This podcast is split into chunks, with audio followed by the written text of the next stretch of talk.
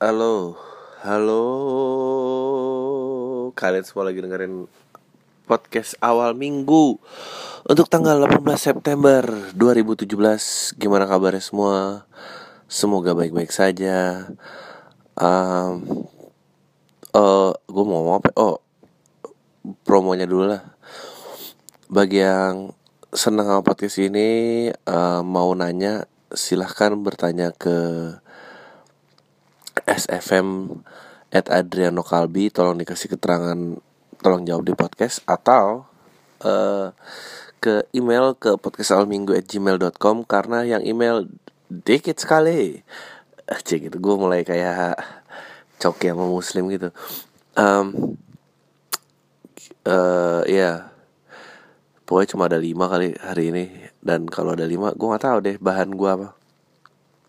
Um, plus Bandung uh, show malam sudah sold out. Terima kasih semuanya. Uh, kita akan buka show sore. Kalau laku 100 jadi main, kalau enggak enggak jadi. Tapi kalau sold out, uh, gue tiga kali main mau ya di Bandung sih gitu. Mungkin minggunya kali pokoknya itu dulu uh, Jogja akhirnya kayaknya mundur. We're looking at November. Surabaya mestinya sih masih November tapi nggak tahu deh nih. Um, sejauh ini itu uh, gue harus mulai pemanasan lagi mulai latihan. Bagi yang nonton gue yang di wilayah Tangerang uh, tanggal 21 gue main tuh di acara band I don't know apa yang gue bawain. But berusaha biar feelingnya ada lagi aja. Um, itu itu itu itu itu itu, itu terus Oh udah ya uh, Oh uh, hari Rabu Jam 9 kayaknya Gue akan ada Di satu segmen opinion Opini on Opini on Cie, Bukan opini opini on uh, Funny story kemarin pas gue Tai banget sih. Tiba-tiba gue diundang Apa gini-gini Terus ada Kayak salah satu tim produser ya lo. Gue lupa posisi dia apa. Uh, terus ngobrol-ngobrol-ngobrol-ngobrol tiba-tiba dia ngomong gini uh, kalau bang Adri masih sibuk rekaman podcast. Anjing kok lo tau sih? Uh, iya bang. Aku pernah ditunjukin teman-teman gini-gini. Teman banyak yang dengar teman mana nih? Teman kantor. Hah? Maksudnya teman kantor kantor sebelum di sini karena dia orang Metro TV kan? Enggak enggak. Aku di sini first grade kok. Jadi kantor utama ini. Hah? Orang-orang Metro TV dengerin gini anjing lah.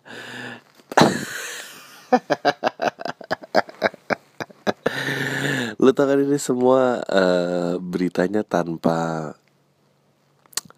tanpa source gitu, tanpa sumber dan hanya berdasarkan dari keparnoan uh, satu kepala doang yang ya nggak tahu ya itu ada gunanya apa enggak sih sebenarnya.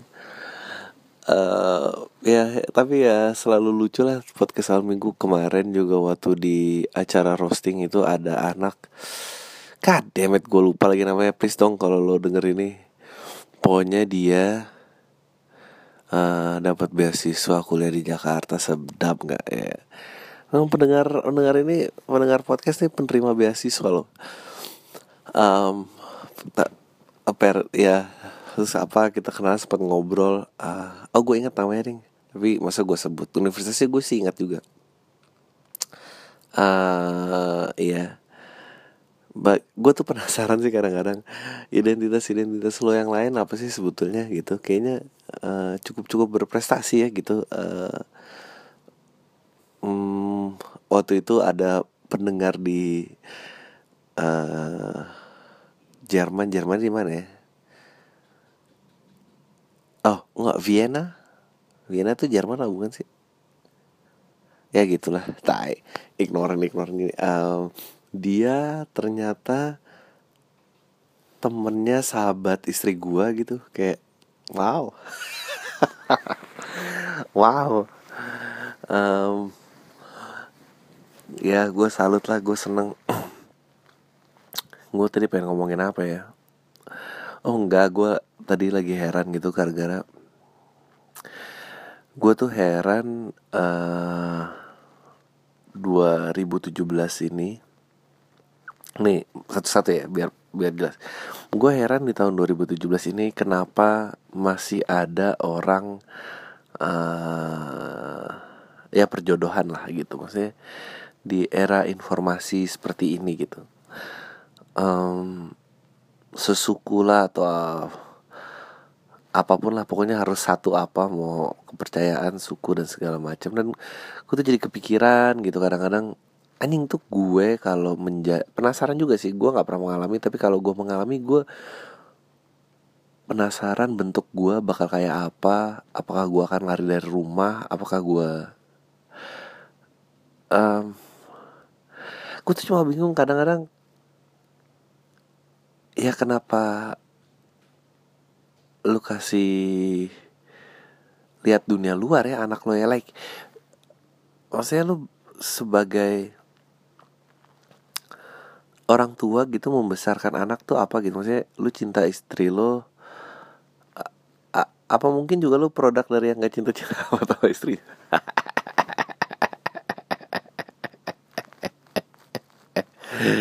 Jadi ngejodohin anaknya itu hanya bentuk pembalasan di mana kayak bangsat loh gue juga nggak nikmatin hidup sesuai dengan pilihan gue.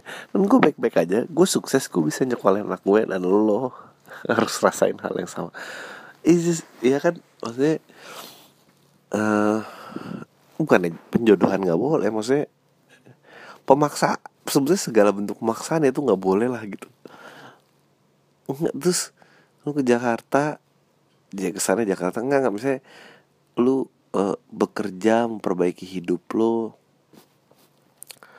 um, terus lu punya anak lu cinta banget uh, terus lu pengen ngedidik anak lu pengen memberi makan memberi pengetahuan semua yang bisa lu berikan. Tapi lu nggak boleh kawin sama yang beda suku gitu. Kayak ah gimana sih? Maksudnya kenapa lu kasih lihat dunia luar gitu? Maksudnya diremin aja di kamar. Atau dan gue gue nggak bilang semua perjodohan ini jelek dan kawin tuh tersiksa is this ya gimana meneruskan itu gitu. Makanya gue tuh juga eh, kaget gitu kan kalau lu keluar kan lu berasimilasi dan berubah pendirian gitu kayak uh, ini gue bukan nyamain ya pasti beda lah orang tua yang ngejodohin sama Kim Jong Un gitu kan beda kan. Tapi tapi maksud gue si Kim Jong Un tuh juga gitu kan maksudnya dia di sekolahin di Inggris apa kalau nggak salah? Maksudnya ngeliat dunia luar gini-gini dipanggil balik suruh ngurusin negaranya terus ya udah negaranya ya nggak gue gini aja gitu. Apa emang itu propaganda? Maksudnya kita melihat ke orang utara kasihan tapi sebetulnya semua bahagia bisa aja gitu. You, we also don't know gitu. But tapi di sisi lain gue tuh juga jadi kepikiran bahwa Hmm, kan semua penerusan budaya tradisi itu mungkin dilakukan jika tidak ada pembaruan kan? Maksudnya kalau ada pembaruan orang ke mana kuliah di luar kota ketemu ini pacaran apa uh, mulai ada pergeseran-pergeseran nilai dan dia berubah menjadi individu baru gitu terus uh, pertemanan lo berubah dan apa dan lo mulai luntur value-nya atau budaya lo gitu. Nah gue waktu itu pernah ditanya sama teman gue ya ini ntar kembalinya lagi tentang perjodohan ya gue pernah ditanya sama teman Dri menurut lo negara tuh penting apa enggak? Hmm, negara sebagai konsep apa nih? Gitu. Hmm, kalau menurut terus gue bilang kalau menurut gue sebagai konsep organisasi menurut gue nggak penting. Nggak penting. Tapi sebagai konsep of sense belonging dan di mana tempat gue berasal itu penting. Karena uh, kebanggaan uh, pola pola pikir gitu kan. Dan ini juga yang lagi diperdebatkan um, di film The Arrival itu gue balik lagi ke film itu karena dia ada teori di mana menyatakan uh, bahasa tuh sangat mempengaruhi gaya berpikir gitu dan um, misalnya bahasa Inggris saja yang pernah mendalami bahasa Inggris dan hidup dengan bahasa Inggris itu seolah-olah punya personality yang terlepas uh, da dari, dari pribadi lo dengan um, uh, dengan bahasa original lo. Nggak usah nggak usah bahasa Inggris lah. Mungkin generasi orang tua lo generasi orang tua lo berbahasa Indonesia dengan dia berbahasa Jawa dia bisa menjadi uh, karakter yang berbeda gitu. Berbahasa Batak dan bahasa ini beda gitu. Mungkin Batak enggak kali ya? Cai gitu untung gara-gara rasis rasis gitu. Nggak but you know what I mean like um, berubah. Pokoknya siapa pun yang mungkin dengar podcast ini yang menguasai bahasa kedua lo ada nggak personality lo yang bisa lo timbulkan um, gara-gara lo bahasa yang beda atau personality itu keluar karena karena lo punya lingkungan baru jadi lo jadi lu nggak nggak nggak perlu kayak mikirin dulu gaya lu kayak apa lu tau kan? Kayak lulus SMP ke SMA gitu. Kalau dulu lu anaknya katro lu lu berasa so gaul gitu ya ganti image baru gue gak tau tuh mana yang menyebabkan apa. Nah um, sampai mana gue tadi? Oh Iya gitu. Sense of belonging penting gini gini gini. Karena menurut gue akan banyak banget yang hilang uh, maksudnya kebudayaan manusia banyak banget bertumpu di itu gitu. Mungkin karena gue senang olahraga of course. Oh sense of belonging. Lagu, lagu nasional diputar pada saat lo juara atau uh, nggak usah nasional lah skalanya. Eh nggak usah internasional. Skala nasional aja. Lo beradu dengan daerah lain lo memiliki kebanggaan tersendiri bla bla bla uh, uh, mendukung sama orang yang yang yang kita merasa kita punya satu elemen it's itu rooted rooted in our culture gitu. Tapi apakah kepentingan seperti politik lah di mana negara harus memakmurkan negaranya atau um, uh, hak manusia mendapatkan medis yang terbaik itu menurut gue nggak penting. Menurut gue uh, ya manusia tidak boleh dijurisdiksikan per wilayah seperti itu gitu. Kayak sekarang mulai mulai hancur gitu. Maksudnya itu wilayah-wilayah perbatasan itu tuh mulai mulai hilang gitu. Kayak uh, misalnya tontonan TV sekarang semua udah nonton hal yang sama. Lu nggak bisa uh, ya dulu kan gitu bikin 30S kan bisa gitu ya bikin wewewewewewet ya karena lu nggak terima channel lain ya lu di situ aja lu lu di blokade gitu di blokade uh, informasinya gitu. Jadi lu lu coba berpikir oh taunya ini gitu. Tapi kan sekarang udah banyak pilihan gitu. Kayak misalnya uh, apalagi dengan uh, uh, um, lokasi digital dan dan segala macam tuh mulai luruh tuh. Maksudnya internet kayak lu kayak Netflix di Indonesia lu nggak dapet certain show. Tapi kalau lagi liburan ke mana cetaknya kebuka gitu. Atau lu nyewa uh, eh, DNS uh, eh, dan IP lu bisa ge geotagging lu di di di internet tuh berubah. Nah berarti kan udah mulai luru lu. Sekarang uh, uh, banyak toko online yang ngejual obat. Nggak ini maksudnya itu tuh tuh mulai luruh nah nah begitu udah luru luru luru luru gini um, sebetulnya sampai titik mana sih? Gue jadi penasaran what makes us us gitu.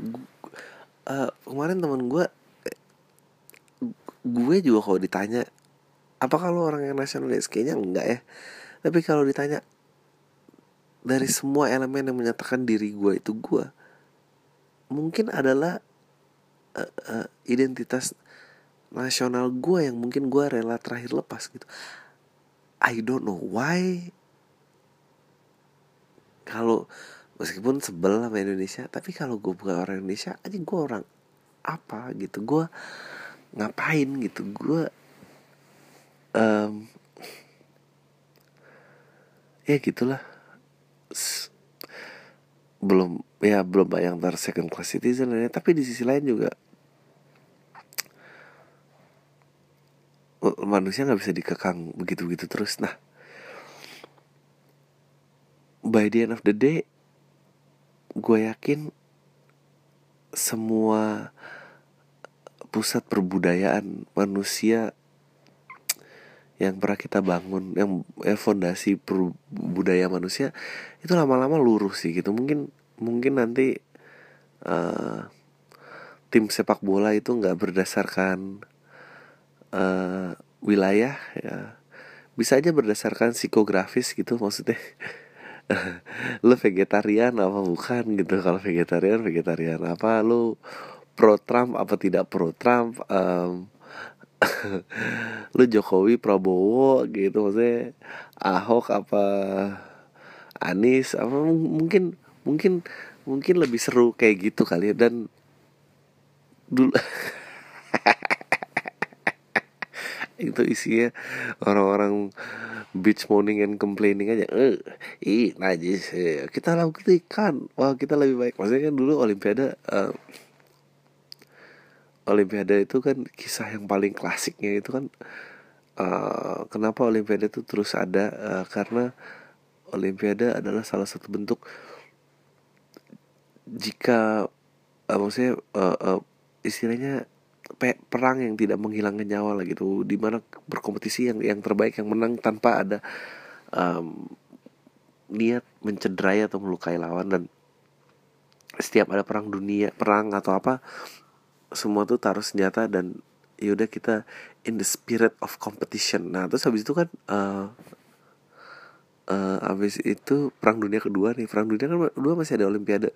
Uh, terus uh, ceritanya uh, apa J Jerman kan uh, Jerman merasa dia we are the superior race gitu. Kita kita Aryan race kita race yang paling pure kita akan unggul dengan semua dari semua uh, bidang bla bla bla. Um,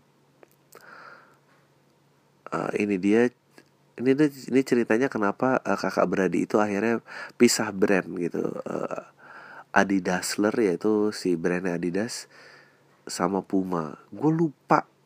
Seperti biasa lah gue lupa.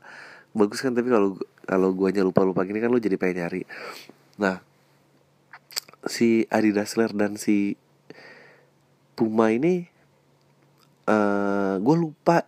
Tadinya mereka itu dua-duanya uh, ini supplier bootsnya tentaranya Nazi karena mereka dua-duanya Jerman kan. Kalau nggak salah Puma deh. Nah terus akhirnya di Olimpiade itu si atlet dari Afrika ini mengalahkan atlet dari Jerman. Gue lupa cabangnya apa. Mungkin sprint 100 meter atau lompat jauh atau lompat tinggi. Something like that lah. Pokoknya cabang atletik. Dan kalah lah dia dan dan dan dan, dan. Wah di situlah brand itu memulai legendanya. Kalau nggak salah ini ceritanya Puma nih kalau salah. Akhirnya dia pecah kongsi dia nggak mau nggak mau saudaranya bla bla bla dan dan dan. Jadi nah jadi tadinya uh, seperti itu kan nah, nasional kan yang dibawa bendera negara. Nah tapi apakah mungkin uh, olimpiade uh, diubah gitu persaingannya uh, berdasarkan uh, political will gitu atau uh, psikografis gitu di mana kita ini baru mungkin kita peduli lagi gitu atau uh, uh, uh, dibentuk timnya berdasarkan uh, niat apa yang pengen lu perjuangin gitu. Lu Greenpeace kah? Lu you know penghijauan atau lu pro minyak bumi pro rokok pro apa? Nah, itu baru mungkin karena negara kita mulai nggak peduli ya mungkin kalau kita balik kayak gitu mungkin akan mengembalikan olimpiade ke zaman keemasannya. Nah ini mencar-mencar nih ya. gue dulu tuh pernah uh, baca gitu kan uh, pada saat zaman kerajaan uh, Yunani dan segala macam itu kan itu kan pengembangan pertama alfabet gitu dan, dan kayak gue udah pernah bahas ini sih um, itu kan memang apa sih saya bukan sungai pengetahuan ya emang uh, uh, pusat di mana ya. Kenapa ada seribu jalan menuju Roma? Karena emang literally kalau lihat peta Eropa kuno ada berbagai macam jalan untuk menuju ke sana. Terus kalau nggak salah uh, halo. Kalau nggak salah ceritanya aku pengen nanya kamu ntar. Kalau nggak salah ceritanya pembentukan abjad-abjad pertama. Nah pembaruan itu pembaruan itu selalu uh, apa namanya mencontek yang lain tuh pola pikirnya apa gitu. Jadi uh, kenapa Cina ngotot dengan uh, satu benda itu satu karakter? Karena dia tidak pernah tereksus karena memang itu bentuk yang uh, istilahnya lebih prim, primitif bukan primitif kuno yang lebih lebih awal. Hmm, tadi ya masyarakat Skandinavia juga seperti itu sampai akhirnya uh, mereka ketemu uh, Yunani akhirnya mereka tukeran ilmu terus kayak oh ternyata uh, kata tuh bisa di breakdown per bunyinya ya gitu. Mungkin Jepang juga mengambil itu kayak oke okay, kita paling nggak persuku kata dan apa dan segala macam. Korea juga seperti itu. Taiwan nggak Taiwan sama Cina. Uh, akhirnya pengembangan. Jadi culture itself adalah menurut gue product of ignorance. Uh, produk di mana lu biasa membudidayakan kebiasaan tertentu sampai hasilnya A gitu. Itu tidak te dan dia tidak uh, karena dia pengaruh informasinya lambat karena sekarang dengan proses asimilasi yang cepat apa yang akan bertahan gitu? Apa apa yang ya apa yang membuat identitas kita kita? Nah terus pada saat semuanya sudah terconnected dan harus sampai seberapa jauh lu hilangin semua gitu. Karena pasti hilang gitu. Dan dan pada saat semuanya udah menjadi satu kesatuan terus nextnya apa gitu? Can human just inspire himself untuk terus maju dalam uh, berinovasi gitu? Tanpa melihat pesaing. Apa memang itu nanti yang dimaksud dengan kiamat? Gitu ya Baby, aku pengen nanya. Aku mau menjebak kamu. Menurut kamu, negara itu penting nggak?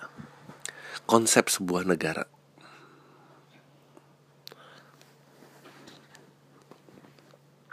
Ah? Hmm, ah, susah banget. Penting apa tidak penting? Konteksnya tahun kapan? Sekarang. Oh ya penting. Kenapa penting? Karena karena there are borders to protect people to protect livelihood to protect tapi kalau misalnya tapi kan negara juga mengalami kemajuan seperti kayak uh, manusia tidak mendapatkan tidak bisa mendapatkan treatment medis yang terbaik atau edukasi yang terbaik atau informasi yang yang kayak gitu-gitu. Hmm. Tapi kalau nggak ada negara yang bikin regulasi siapa? Nggak tahu Google headquarters. gojek, Gojek. Gojek, Gojek, benar-benar. Bentar lagi dia nge-on semuanya. Aku pernah ditanya kayak gini terus aku jawab kayak kayaknya kalau sebagai konsep identitas itu penting. Tapi kalau sebagai struktural organisasi kayaknya udah mulai nggak penting ya.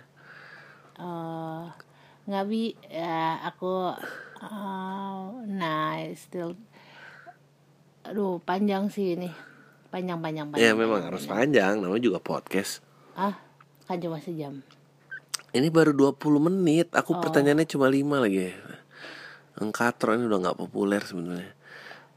Tapi kan what what constrict human in one region kan juga lama-lama batasannya abisan. Maksudnya oke okay, dulu channel TV tradisional kita bisa blok itu geographically. Tapi sekarang Netflix masuk apa ini kan kamu nggak menjadi Indonesia yang seutuhnya juga gitu ya gak sih? Oh. terus kayak uh, aku udah ngomong ini juga sih by the way ulang-ulang aja. Terus kayak kalau kamu pindah you get that information. Now dengan toko online kamu bisa beli uh, obat yang nggak di ini. Maksudnya udah entitinya tuh lama-lama udah diragukan. Eh, maksudnya lama-lama absolutitasnya menurun dan menurun setiap tahun. Hmm. enggak lah to what extent? Cuma di dunia dunia entertainment di Enggak, medis. hiburan. medis. Kamu ke Tokopedia dapat toko mau apa itu mungkin kan sekarang gitu? It's far easier gitu. Ya mungkin tapi kan nggak nggak nggak mes nge- apa namanya nggak mes dan harus. Aku nggak ngerti sih mas. Kamu maksudnya apa sih beli beli alat-alat medis gitu? Atau dapetin obat gitu.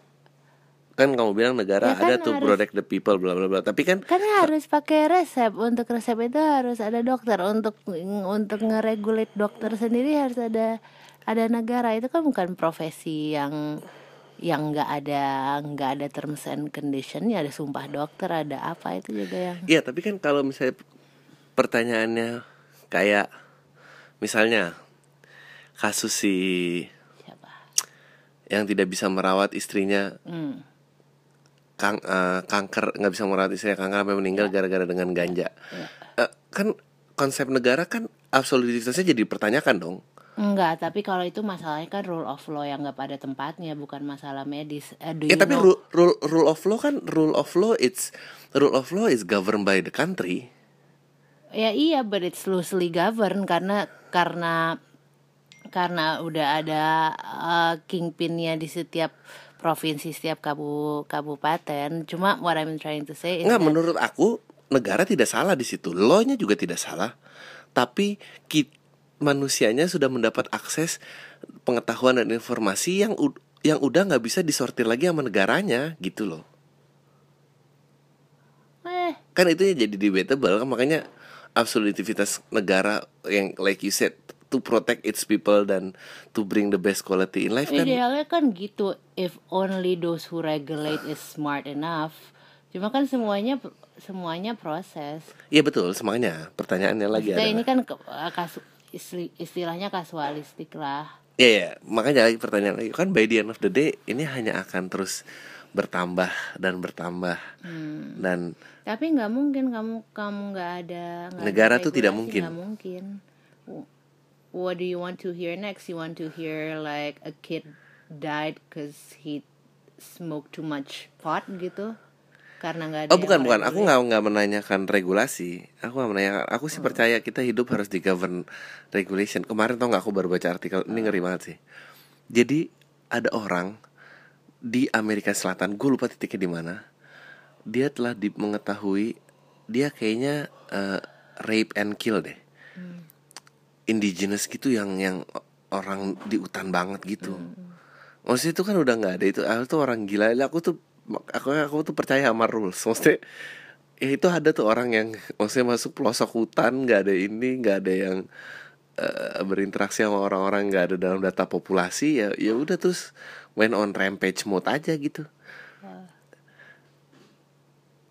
Tap- tapi tapi kan nah maksud aku adalah pada saat nanti informasi semua lancar nggak bisa dibendung apa putus-putus segala macam yang what makes identity and identity itu apa ya itu maksudnya pertanyaan ujungnya Hmm, Iya itu ada kajiannya. ya kamu nggak seru banget sih. Ya emang ada kajian maksudnya maksudnya? maksudnya ada kajiannya apa? Maksudnya ya ki- kita sebagai sebagai Nggak, aku harus per- aku perlu menjelaskan ke pendengar kamu. gimana? Uh, I sound ignoring cause I am doing other stuff. Cuma dia nanya nanya ya gua mulu. jadi gua kayak bantu aja. biar habis sejamnya iya. Iya iya boleh boleh. Apa tadi Iya. ulang lagi?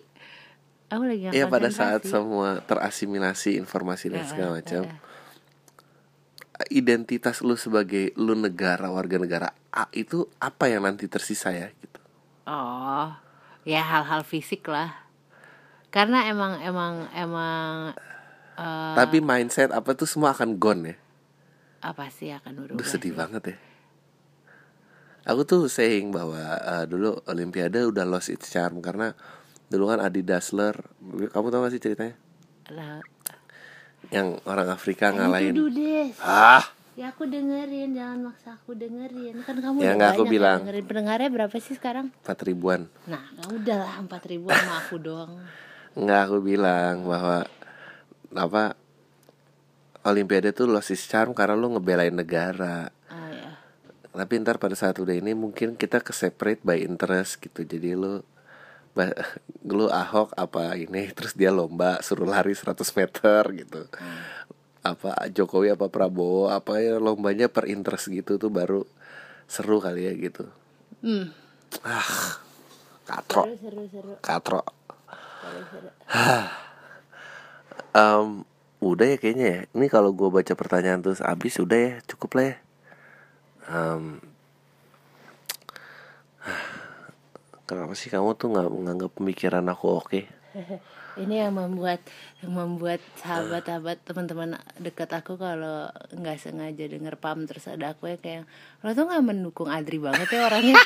Kayak, Men, lo dengerin dia cuma sejam seminggu or kalau ada podcast dengan tamu ya udahlah. Eh, Apa podcast dengan tamu? Iya. Bener. Podcast awal minggu dengan tamu Iya, atau apa? iya. Aduh, ini bikin iya, name. iya. Anyways, ya kenapa Ya. sih kamu Ya enggak, aku tuh mendukung kamu karena aku ada di sebelah kamu 24/7.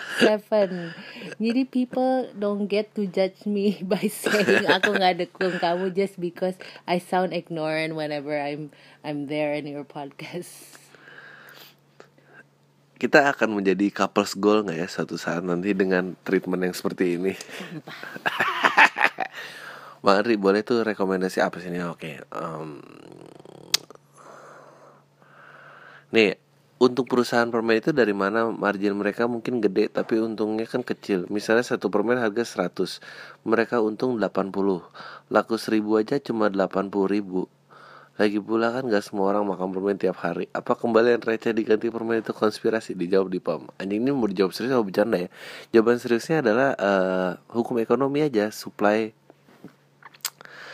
Supply tinggi itu biaya produksi rendah gitu Em, Apakah Mencari untung? Ya pasti kan dia grupnya bukan cuma permen doang Dan eh, gue sih belum pernah ya membuka buku pembukuannya. Tapi yang pasti kalau lu produce secara masif biaya produksi satuannya tuh turun. Kalau lu nggak pernah bikin permen terus lu harus bikin sirup sendiri terus lu bekuin di kulkas dan apa terus lu jual ya mahal pasti jadinya kalau satu tapi coba kalau 10 aja pasti kan oh listriknya berkurang karena buat dibagi 10 bla bla bla things like that lah. Itu serius ya sih tapi kalau em, jawaban konspirasinya apa ya? I don't know gue tuh selalu penasaran sama orang-orang kalau ju- jujur gue kayak kan waktu Indonesia jadi negara gitu kan it was blank piece of paper ya. Em, kayak ya udah gitu blank piece aja terus ada orang-orang yang cukup beruntung keluar negeri mempu again mem- memiliki akses informasi pertama bawa ke sini seolah-olah mereka inventor canggih. Eh kayak yang pertama kali ngadirin KFC dan apa itu kan dia untung karena yang lain gak punya akses ke luar negeri aja gitu eh. Terus ya ya udah gitu eh gue penasaran ya gitu bikin Kentucky pertama di sini air mineral eh lu lihat ya semua pemain-pemain lama di Indonesia eh, itu istilahnya bagi-bagi kemakmuran di kalangan elit aja. Anjing. Iya gak sih? Coba kenapa kenapa air min air minum bukan punya negara gitu atau eh, bank terbesar bukan punya negara? Ya udah PLN tuh coba tanya pertama kali kontraktornya PLN lo emang harus baca ini sih Confession of Economic Hitman itu eh orangnya salah satu yang ke Indonesia dan dia tahu pergerakan politik karena Halo? memang eh, Iya. dia Iya, Pak. konstruksi lah pokoknya itu Iya betul, Pak. Nah. Apel sama jeruk. Nanti Um, kalau ada apa-apa kabarin saya ya, Pak ya kalau nggak ada atau gimana. oke Makasih.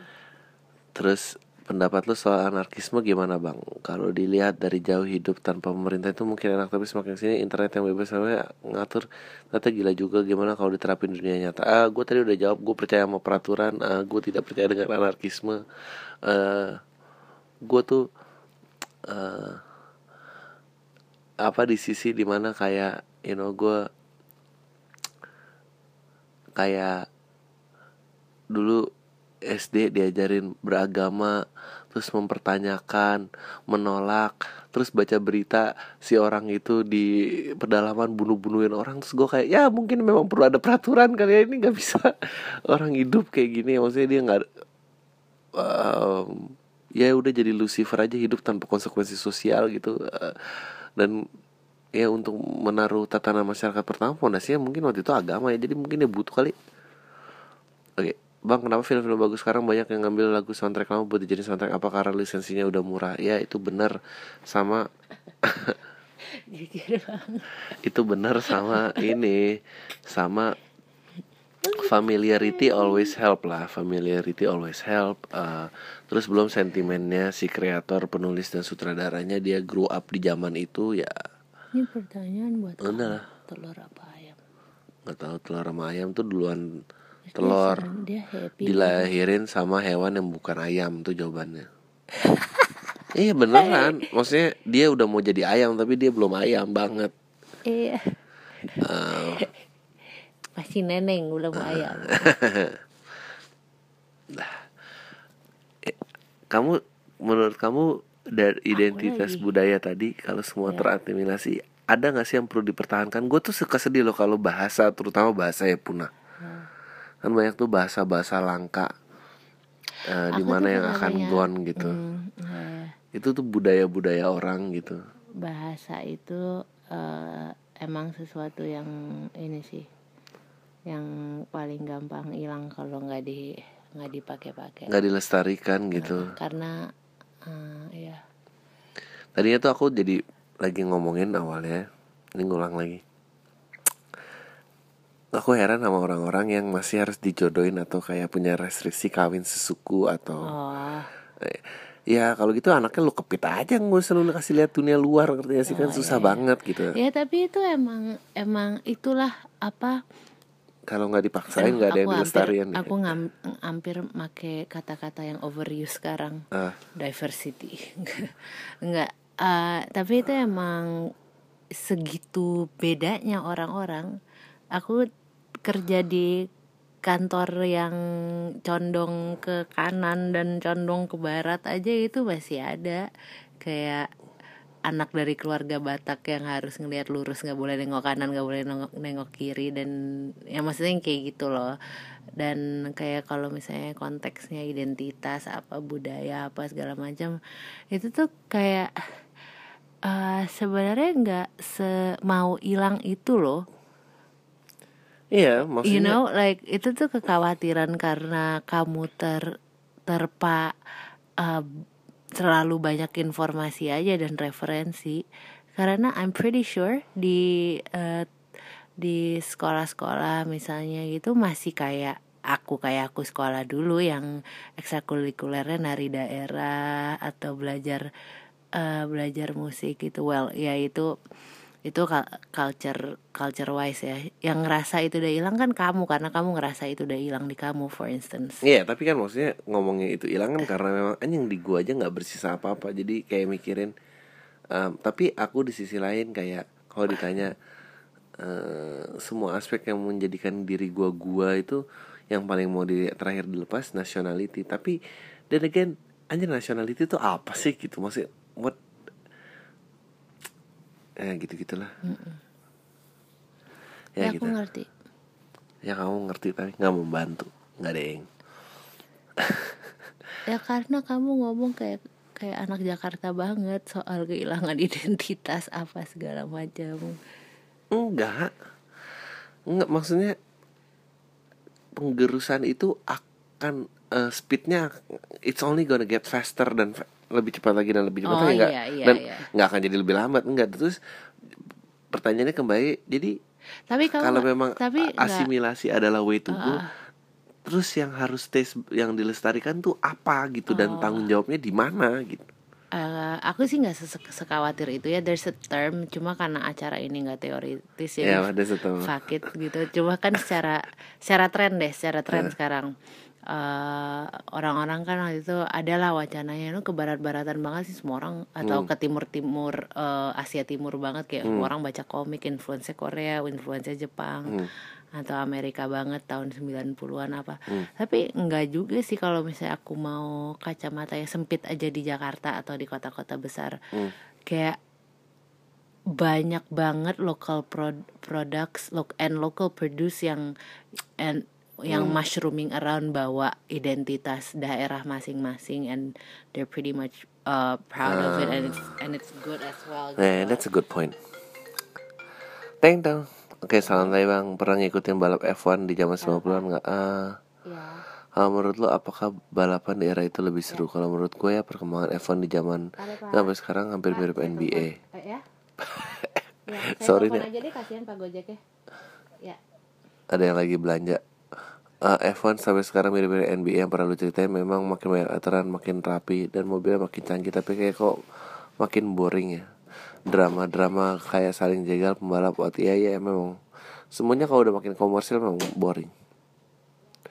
Misalnya kayak Grand Prix Jepang tahun 90-an Ayrton Senna keluar nabrak Alain Prost sampai keluar lintasan tujuannya ngunci gelar dunia. Karena waktu itu Senna unggul satu poin kalau Prost nggak finish otomatis dia nggak dapat poin. Senna dapat juara dunia juga waktu itu Schumacher mengunci gelar pertamanya di GP Australia. Well you know sebetulnya practically perkembangan dunia itu sama kayak uh, orang-orang yang bangga banget sama SMA-nya terus kalau lulus ngatro-ngatroin agama angkatan sesudahnya gitu kayak ini masih ini ya angkatan gue tuh dulu paling ancur men. Nah nah nah nah, nah, gitu sih. Bla bla bla oke lah itu kalau sekarang manuver ngebrak dikit kena drive kena penalti 10 detik. Pembalap kalau nggak sopan dikit kena peringatan lah dan lain beda sama 90 di mana pembalap balas tanya yang pendapat lain menurut lo semua dipaksa formal formal jadi modern menurut lo bang apakah semua bidang olahraga sedang mulai hal tersebut? Iya yang komersil ya. Eh, di mana semua jadi nggak rapi terlalu rapi dan sepertinya nggak cuma di sport sih di art juga. Thanks abang santai ya iya terutama gue sih selalu nyalain sosial media. Memang orang tuh nggak bisa ke connect sebanyak ini. Eh, kalau nggak nyampe semua. Em, bang mau tanya gimana menurut lo rencana pemerintah DKI yang mengharuskan punya kendaraan mobil harus juga punya garasi? Katanya sih gara-gara banyak yang parkir sembarangan. Makasih bang. Eh, you know eh, menurut gue propaganda yang gue udah jelasin sih di jok gue kalau datang kalau pikir lo keren. Em, pertanyaannya semua tentang gera- eh, peraturan lalu lintas di jalanan eh, garasi dan segala macam pertanyaannya sebetulnya yang harus ditanya adalah pernahkah ada penurunan penjualan kendaraan bermotor dari tahun ke tahun? Jawabannya itu. Kalau enggak then why? Kenapa lo terus jual itu? Kalau itu masalahnya. Em, gue benci bahwa eh, kalau kayak gitu-gitu seolah-olah eh, tidak pro kapitalis bahwa konsumen tidak bisa mera, eh, menentukan suaranya itu namanya memblok hak konsumen. Konsumen boleh beli apa yang dia beli. Ya, ya tapi nggak bisa gitu gitu maksudnya. Ya regulate aja gitu. Konsumen mah pasti mau aja gitu beli. Kenapa terus dibuka? Yang kayak gitu itu yang harus mempertanyain kayak ganjil genap apalah itu semua. Kayak peraturan nambah banyak tapi penjualannya nggak pernah stop. Ya gitu ya. Bang minta pendapat dong hampir tiap orang bilang kalau gue orangnya tuh logis sometimes even they call me atheist but I'm not an atheist soalnya menurut gue di hidup kita sadar atau enggak itu penuh dengan paradoks. Kalau enggak ada paradoks kita nggak bakal punya faith in everything. Jadi gue hampir selalu menggunakan paradoks itu untuk mematahkan argumen mereka kalau gue mereka udah nggak berargumen menurut lu gue itu douchebag gak sih? Douchebag sih. Lu tai nggak tai? Tai lah. Kayaknya gue adik tuh tuh ya menurut karena lu kayak tai karena lu nganggap semua orang harus setara sama lu gitu padahal mah bisa aja ya senyum senyumnya oh ya oh ya oh ya oh, lu ya, oke ntar ya oke bye udah habis itu udah gitu. Kadang gue sering ngerasa kalau sarkasm gue udah terlalu expert soalnya ada orang yang bisa ngira kalau gue beneran bener contohnya lo percaya power of prayer nggak? Nggak soalnya konsepnya abstrak. Kalau doa lu nggak dijawab it means lu lagi dilatih buat sabar. Kalau doa lu jawab means lu lagi disiapin buat something better. Kalau jawab it means ya dijawab terus ya kalau gitu you're just 50-50 anyway kan jadi gak doa gak doa sama aja. That's actually funny. Itu sebetulnya lucu tapi lo nggak tahu mau orang kayak apa. Lo dengerin the Shines nggak? S H I N S. The Shins jawabannya enggak nggak tahu. Dia nanya ada yang keren kan? Eh, keren sih dulu. Keren. Emang Dulu dia denger. nggak tahu ada yang nanya Ya dulu keren kan, tapi kalau muncul lagu baru nggak tahu. ada yang ada yang ada yang ini reminiscing masa jayanya Bang Talk of Life kapan keluar ya? Pengen banget gue nonton gini Kalau udah kecanan punya rekaman pakai apa bang dan beli berapa duit? Em, rekaman gue nggak tahu. Eh, ini loh, masalahnya di Talk of Life itu itu orang-orangnya udah nggak udah nggak masih pengen udah nggak pengen konsisten lagi jadi ya gimana dong? Jawabannya sudah ada um udahlah itu pamnya eh, it's a short one karena yang nanya juga dikit. Ah udah. udah Em, sekali lagi eh, opinion gue hari Rabu ada eh, yang mau bu Bandung tiketnya dijual lagi. Nambah. iya dong dua kali show. Uh. Ah, udah itu aja lu semua. Deh